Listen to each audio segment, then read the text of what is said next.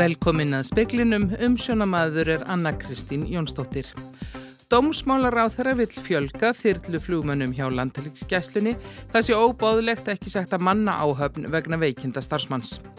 Herin á Sri Lanka hefur fengið fyrirmælum að skjóta alla sem staðinir er að verki við lögbrott, skálmöldir í landinu og útgöngubann sem stjórnar andstæðingar virðaði vettugi.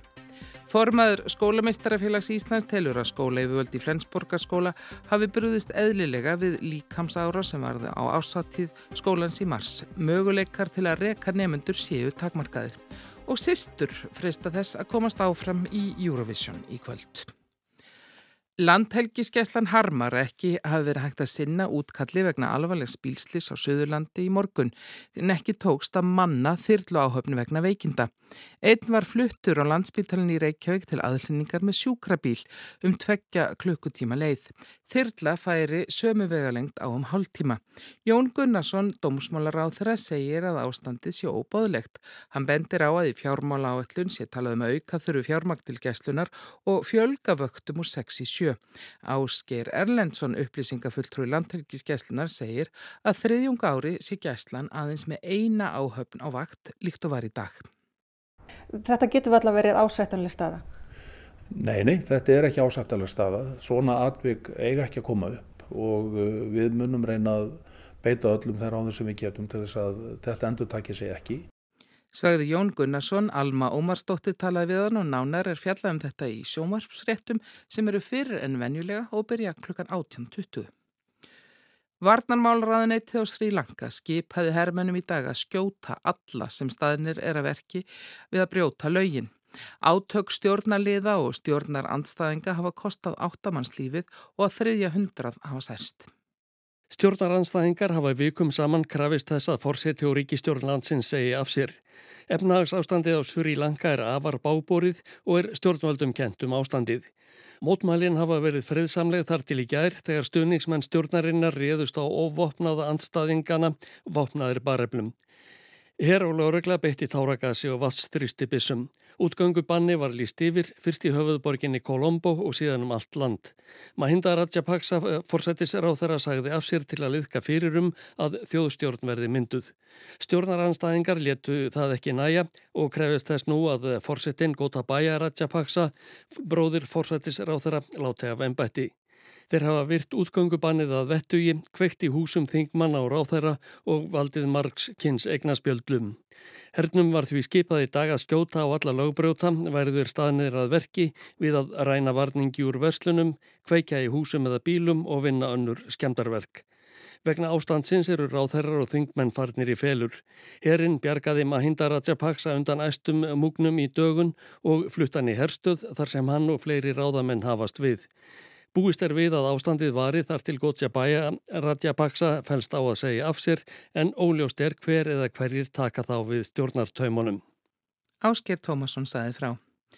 Frambóðið Reykjavík besta borgin sendi frá sér yfirlýsing á sjötta tímanum í dag þar sem Oddviti og aðrir ábyrðarmenn frambóðsins harma umræðu um undirskrift sem Birgitta Jónsdóttir, fyrirverandi alþingismæður, fullir þeirra sé fölsuð. Hún hefði ekki samþygt með undirskrift sinni að skipa sæti á frambóðslista flokksins. Í yfirlýsingu bestu borgarna segir að ábyrðarmennin sé ekki aðstöð til að meta fullirðingu um fölsun óánægja Birgittu hafi komið þeim á óvart og þeim þykir þetta mjög miður. Innan frambóðsins standi nú yfir rannsókn á meðferð gagna í aðdaranda þess að listum yfir meðmælendur og frambjóðendur var skilað.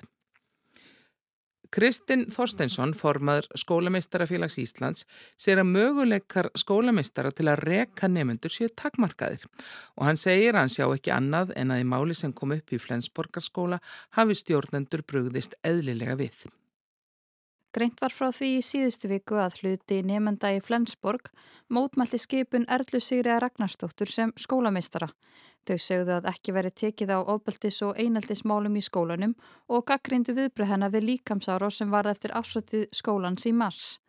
Kristinn segist ekki þekkja máli til hlítar en miðvið það sem hann hefur heyrt í fjölmjölum hafi verið staðið mjög öðlega að því. Það verið að gæta því að, að réttu nefndu námsað mjög ríkur til átjónan aldurs það gildir fræðslust í landinu sem eh, stíldar ríkisvaldi til að veita nefnendum mentum og þegar við kemur að því fyrir okkur að, að vísa nefndinu burti fyrir eitthvað sem gerist utan skólans að þá verðum við að vera mjög örg og því að það sem við gerum sér ég.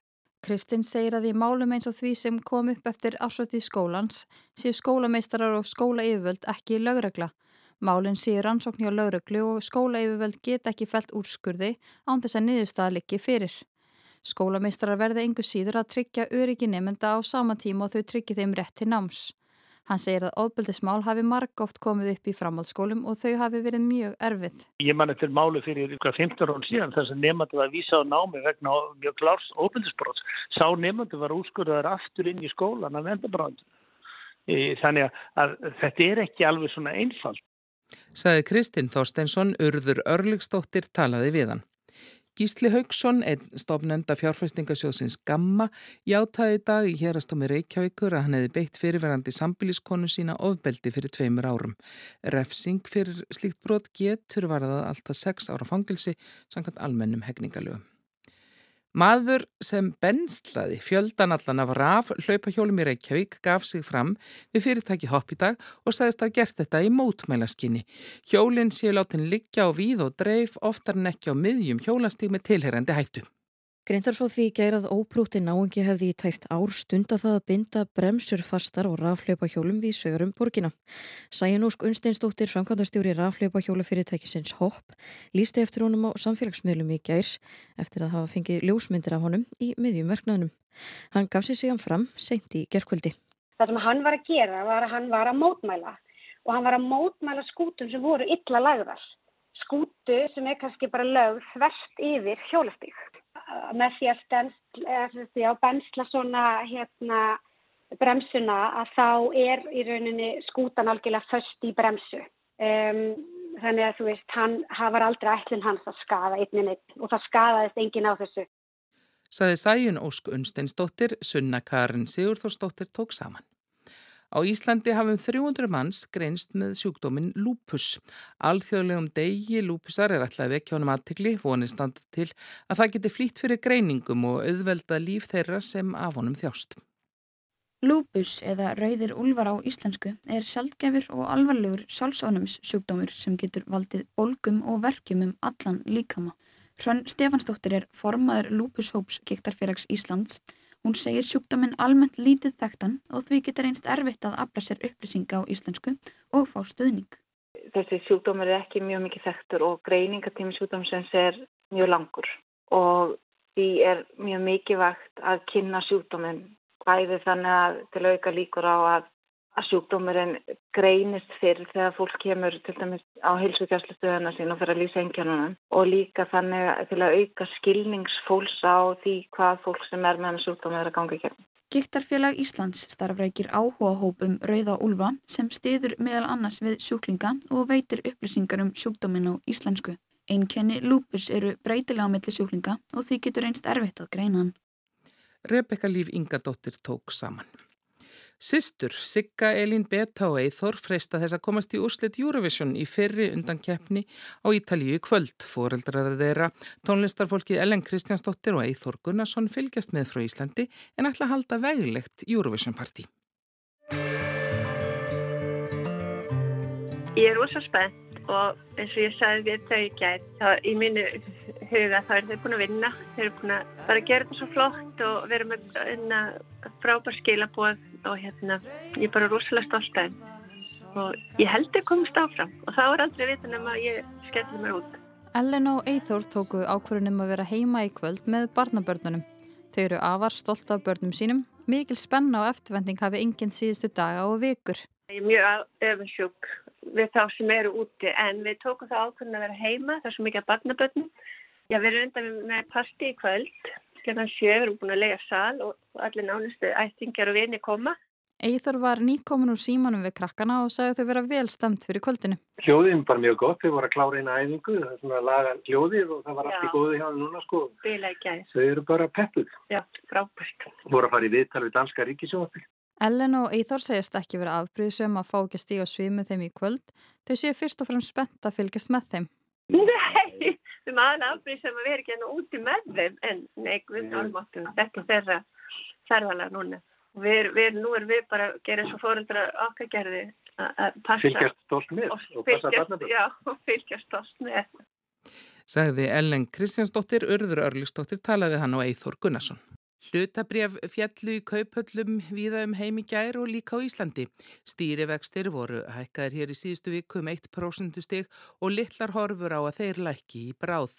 Sæðilabankin spáur því að verðbolgan sem var 7,2% í síðasta mánuði gæti farið í 8% í haust og líkur á að enn þurfi að herða tökinn til að hemja verðbolguna. Jón Bjarki Bentsson, aðalhagfræðingur Íslandsbanka, játar því bæði og neytar að við stöndum á tímamótum í efnagsmálum. Við stöndum vissulega tímamótum hvað það varðar að með ört vestnandi verðbólkuhorfum, ekki bara hérlandi eldur, eldur alþjóðavísu og uh, þeim breyta tóni sem er komin í Erlenda Sælabanka og í rauninni svona þá breytu stemningu sem er þá í kjölfara og fjármálumörkuðum fyrir því að aðhald fjármálulegt aðhald almennt sé að fara að aukast. Það hefur breyst trætt á stöðnum tíma. Þannig að vissulega það má tala um, um tímabútt eftir í rauninni síðasta ár þar sem að, hvað ég segja, góðsend tíð, bæði voru vextir mjög lágir, peningarlegt aðhald mjög líti verið að dæla eins og í bandaríkjónum voru fólki einlega sendir tekar. En á sama tíma var vöxtu farin að glæðast, aðlunleysi farin að minka, hérna, neysla heimilan á uppleið og og svona stemning í öllu. Núna hefur þetta allt snúist við. Á sama tíma og, og efnagshorfurnar er að vestnæleðis er segðlaböngum einhvern veginn þröngur stakkusniðin annað heldur en að breyðast við aukinni verbulgu. Hér á landi er kannski aðeins önnur saga, bæði hvað það varðar að það var ekki jafnlust um pingjuna hjá eh, hagstjórnaræðilum, bæði hérna ríkistjórninni og, og selbankanum eins og semst það er eliðis og vextir farnir að hækka þetta þegar ár síðan Sælabankin byrjaði að hækka vexti og svo hitt að horfurna hérna þær hafa ekki breyst eins mikið til verri vegar eins og viða ellendis. Sælabankin gaf út nýja þjóðaspá samliða vakst ákvörðinni í, í síðustu viku og þó að uh, þeir orðið að svo að horfurnar hafi versnað þá er það í rauninni bitamunin ekki fjár. Bankin er samt sem áður að gera ráð fyrir heilmiklu vexti ár og ágætisvexti næstu tvö ár, uh, lágu atunuleysi og að í rauninni staðabæði fyrirtækja og, og heimila eins og segi eftir því að því að þetta eru auðvitað aðstæði sem að skipta heimilu fyrirtæki miklu ættu þá að verða bara all tröstar þrátt fyrir að verðbólgan sé að skjóta svona upp og, og vextra uppleið. Verðbolga upp á 8% er undalsverð, segi Jón Bjarki og þetta byrjaði með hækkunum og fastegnamarkaði fyrir um ári og þar með innlendum þrýstingi. Ofan á það hafi svo bæst þeirra áleið fyrsta lag innfluttrar verðbolgu vegna korunveirufaraldusins og tröflan á aðfungum og fluttingsleiðum. Svo þegar kannski vonistanda til að það færi nú að skána, þá kemur Úkrænustrið og innráð súsa í Úkrænu sem að auðvitað bætti öðru lægi af innfluttum hækkunum og í rauninni framleiðslu trublunu líka ofan á þau vangvæði sem voru fyrir. Kanski til að setja punktinni í þá uh, fóru kýmverjar þá leið einhvern veginn að hérna, berjast gegn faraldrinum eins og hann væri þegar á fyrstu stigum á, á sama tíma og stærstu luti heimsins er svolítið komið með hann í baksins speilin og það er að hafa meiri og meiri áhrif á efnagshorfurum um víða veröld. Það var að fara að koma tölur um um sig í Kína. Þar var að sumileiti samdráttur og, og útlutningsvöxtur er að svo hægast í tvö ár. Stórar yðnaborgir eru náðan slokaðar og bæði veita þetta ekki að gott er að næstasta hagkerfi heimsins uh, sér fram á verri efnagshorfur svona heimafyrir en ekki síður þá aftur bætir þetta enn á nögrana á því að framleiða vörur stórar og smáar út um allan heim. Hlutabref skráð hér heima tóku dífu í gær og líkt varum markaði víða en sveiplast íslenska kaupöllin og markaðin bara í takt við markaði í útlöndum. Hann gerir það ofta á tíðum. Klálega núna síðustu vikurnar og, og sérstaklega stundu þegar, þegar velta er kannski með minna móti á markanum þegar, þegar ekki margt annað hreyfan þá sér maður sérstaklega mikla fylgnið þarna á milli. Það er einlega svolítið merkilegt uh, að það skulle ekki vera meiri greinamennu kannski gerður á aðstæðum hér á landi og ellendist þar sem að markaður hafa verið að læka mikið vegna þess að það er eitt og annað sem að ætti að milda áhrifin hvað okkur varðar af þessum vendingum sem að hafa þrýstmörkuðin yfir ellendis.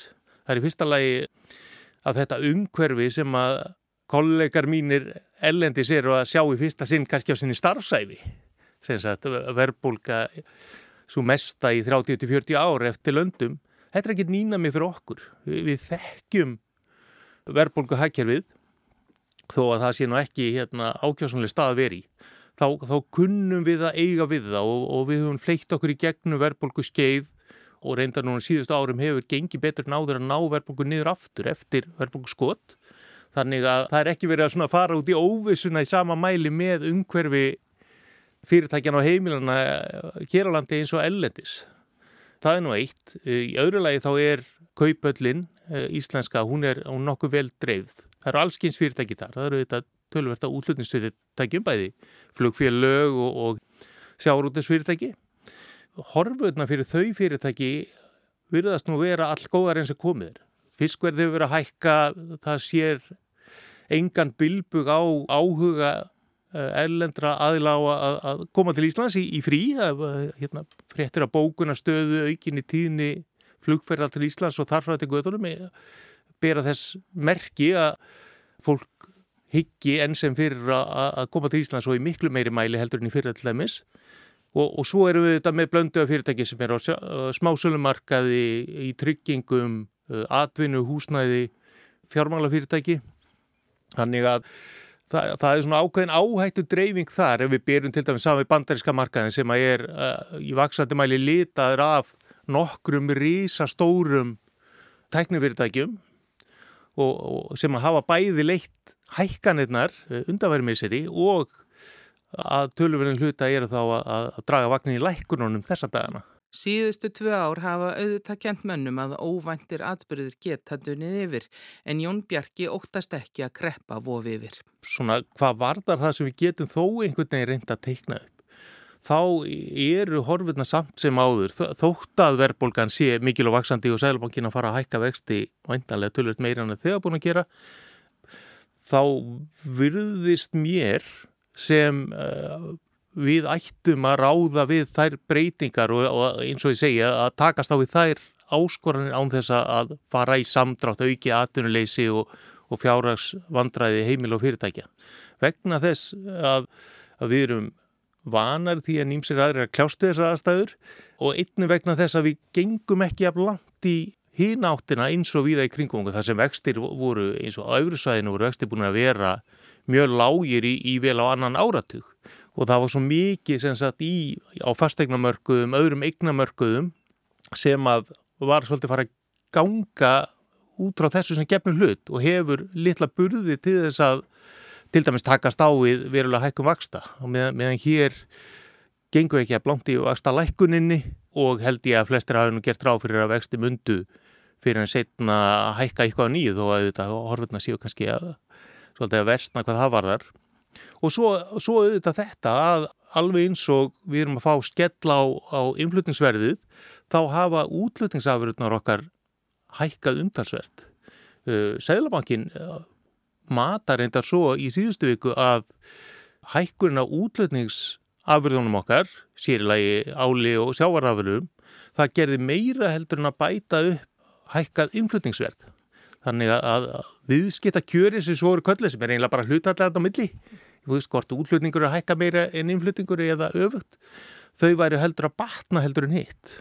Það er aðeins bjart heldur en heldur en ég hafi eh, metið þessa hluti en, en eh, þessi áhrif eru vissulega til staðar og hjálpa náttúrulega litlu landi sem er mjög háð því að, að búa til útlutningstekjur til fyrir allan eh, vörur og aðfeng sem við viljum flytja inn og þjónustu líka það veit á gott auðvitað þegar hérna, koma fleiri eurur og, og dollarar í buttuna til þess að borga fyrir dýrari ólíu, fyrir dýrara kveiti og svo framvegs. Þannig að það er að hjálpa okkur í miklu meiri mæli heldur en löndir sem fyrst og fremst kannski flytja út þjónustu eða unnavörur, tækjabúnað eða annað slíkt og er ekki að fá þessi árið þarna móti. Þannig að það á eftir að hjálpa okkur tölverð. Sagði Jón Bjarki Bentsson. Vísindamenn íslenskrar erðagreiningar hafa fundið tengsl áður óþektra erðabreitileika við yktsíki í stærstu erðaransók sem gerð hefur verið á sjúkdómnum. Hafdís Helga Helgadóttir settist niður með Sædísi Sæfarsdóttur og Ingilef Jónsdóttur. Rannsóknin sem er svo stærsta sem gerð hefur verið í heiminum á yktsíki hefur staðið yfir í aldar fjórðung og er ein upphafsrannsókna íslenskrar erðagreiningar. En ef við byrjum á byrjuninni þarf kannski fyrst að spyrja hvað er yktsíki? Sætís Sæfastóttir, vísindamæður hjá Íslenskri erðagreiningu og profesor við Læknadeild Háskóla Íslands fór fyrir rannsókninni. Þetta er sem sagt sjúkdómur sem heitir á ennsku rheumatoidarthritis, oft stýtt sem RA, en þetta er algengasta form liðagíktar og það er sem sagt sjúkdómur sem enginnist af bólgum í liðum og eh, þetta er oftast smái liðir í fingrum, úrliðum, tám, getur líka verið í njám og aukslum um, og þeir þá bólina og flokkast sem sjálfsónami sjúkdómur og það er það sem gerist þegar í raun ónæmiskerfi fer að ráðast á liðina en nætti í raun að vera einbita sér ef að heiminum veri fullkomin að veirum og bakterjum og losa líka mann við það. Það sem er málið er að þetta er yfirleitt langvinni sjúkdómur þótt horfur sjúklingar séu mjög mismunandi og við notum þessuna lif til að bæla ónami svarið og halda sjúkdómnum í skefjum því annars er þá hægt á að liðinni skemmist með tímanum. Rannsónin byggist á viðtæku samstarfi íslenskrar erðagreiningar við rannsónarhópa í öllum hinum norrænu löndunum og í Breitlandi.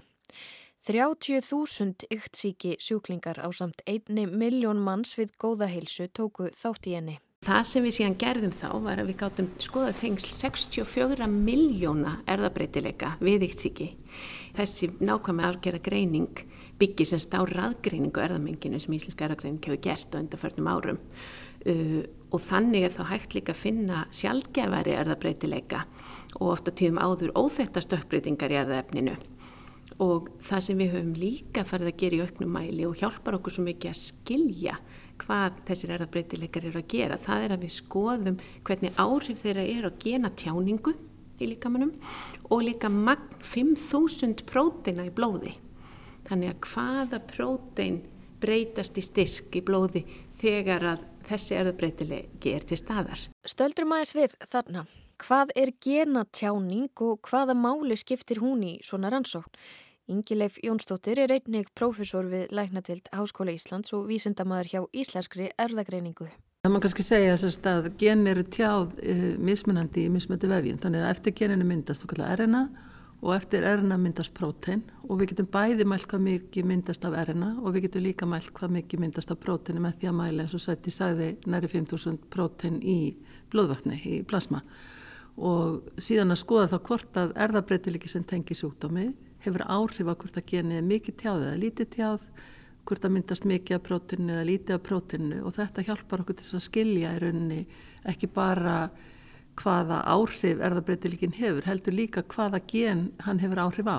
Því að stór hluti af erðabreitileikum sem að menn hafa fundið að tengja sjúkdómum, þau eru ekki, eru ekki enn til að í genum, þeir geta verið á milligena og oft er erfitt að vita hvaða gen hefur eitthvað með sjúkdómin að gera. En þetta er ein leið til þess að hjálpa okkur að finna það er þetta gen eitt af tíu sem eru mjög nálægt erðabreitalikunum en ekki eitthvað annað.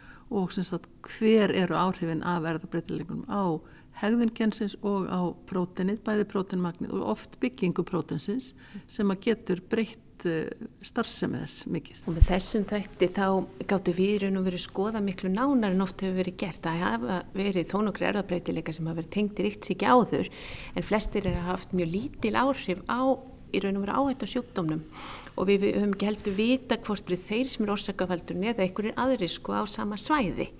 En í þessari rannsóksins að fundum við alls þá 37 erðabreitileika utan svona eins HLA-svæði sem tengdust yktsíkið undirgerðum og við náðum að í raun og veru finna 25 áhættu gen fyrir sjúkdómin.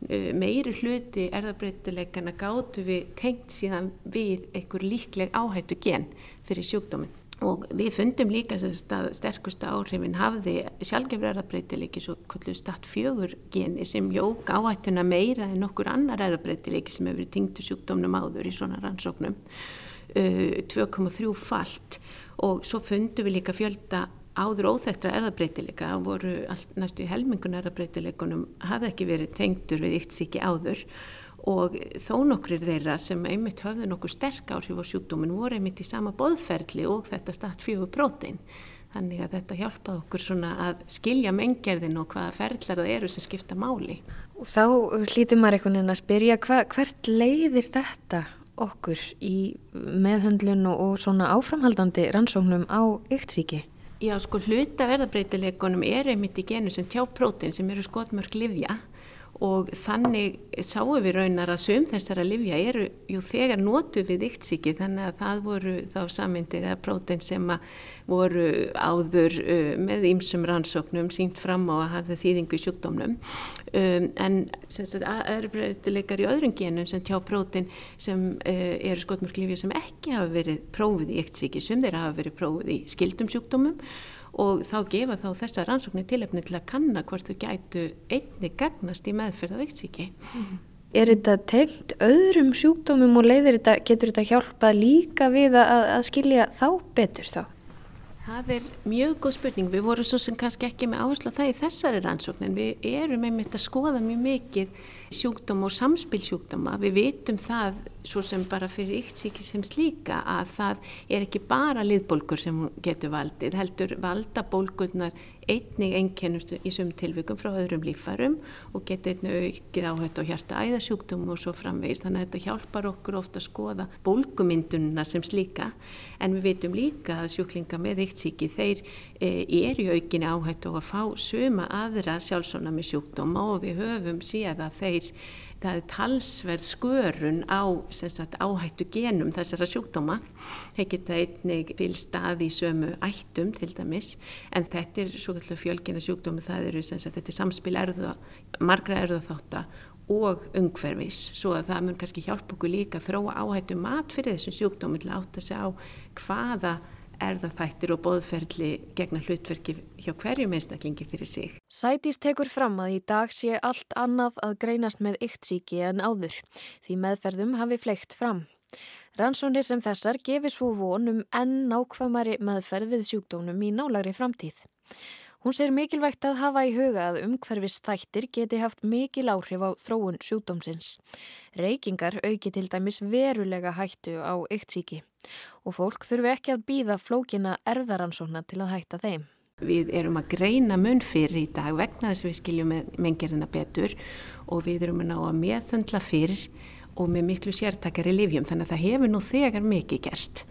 Það breyti því ekki að það við erum ennþá að nota svona, hvað maður að segja, staðlaðan matseðil e, eftir, svolítið eftir hvernig lifum koma á markaði mörgum tilvikum fyrir alla. Og vonirna sem við bindum við að skilja betur er að við verðum betri að greina frá grunni hvaða mennferðli skipta máli hjá þessum sjóklingi og velja sértakt á meðferð sem henda hverjum einum, það er að segja einstaklingsmiða meðferð. Og við erum einmitt með í ferli núna rannsóknir þar sem við erum meira að skoða tengsla og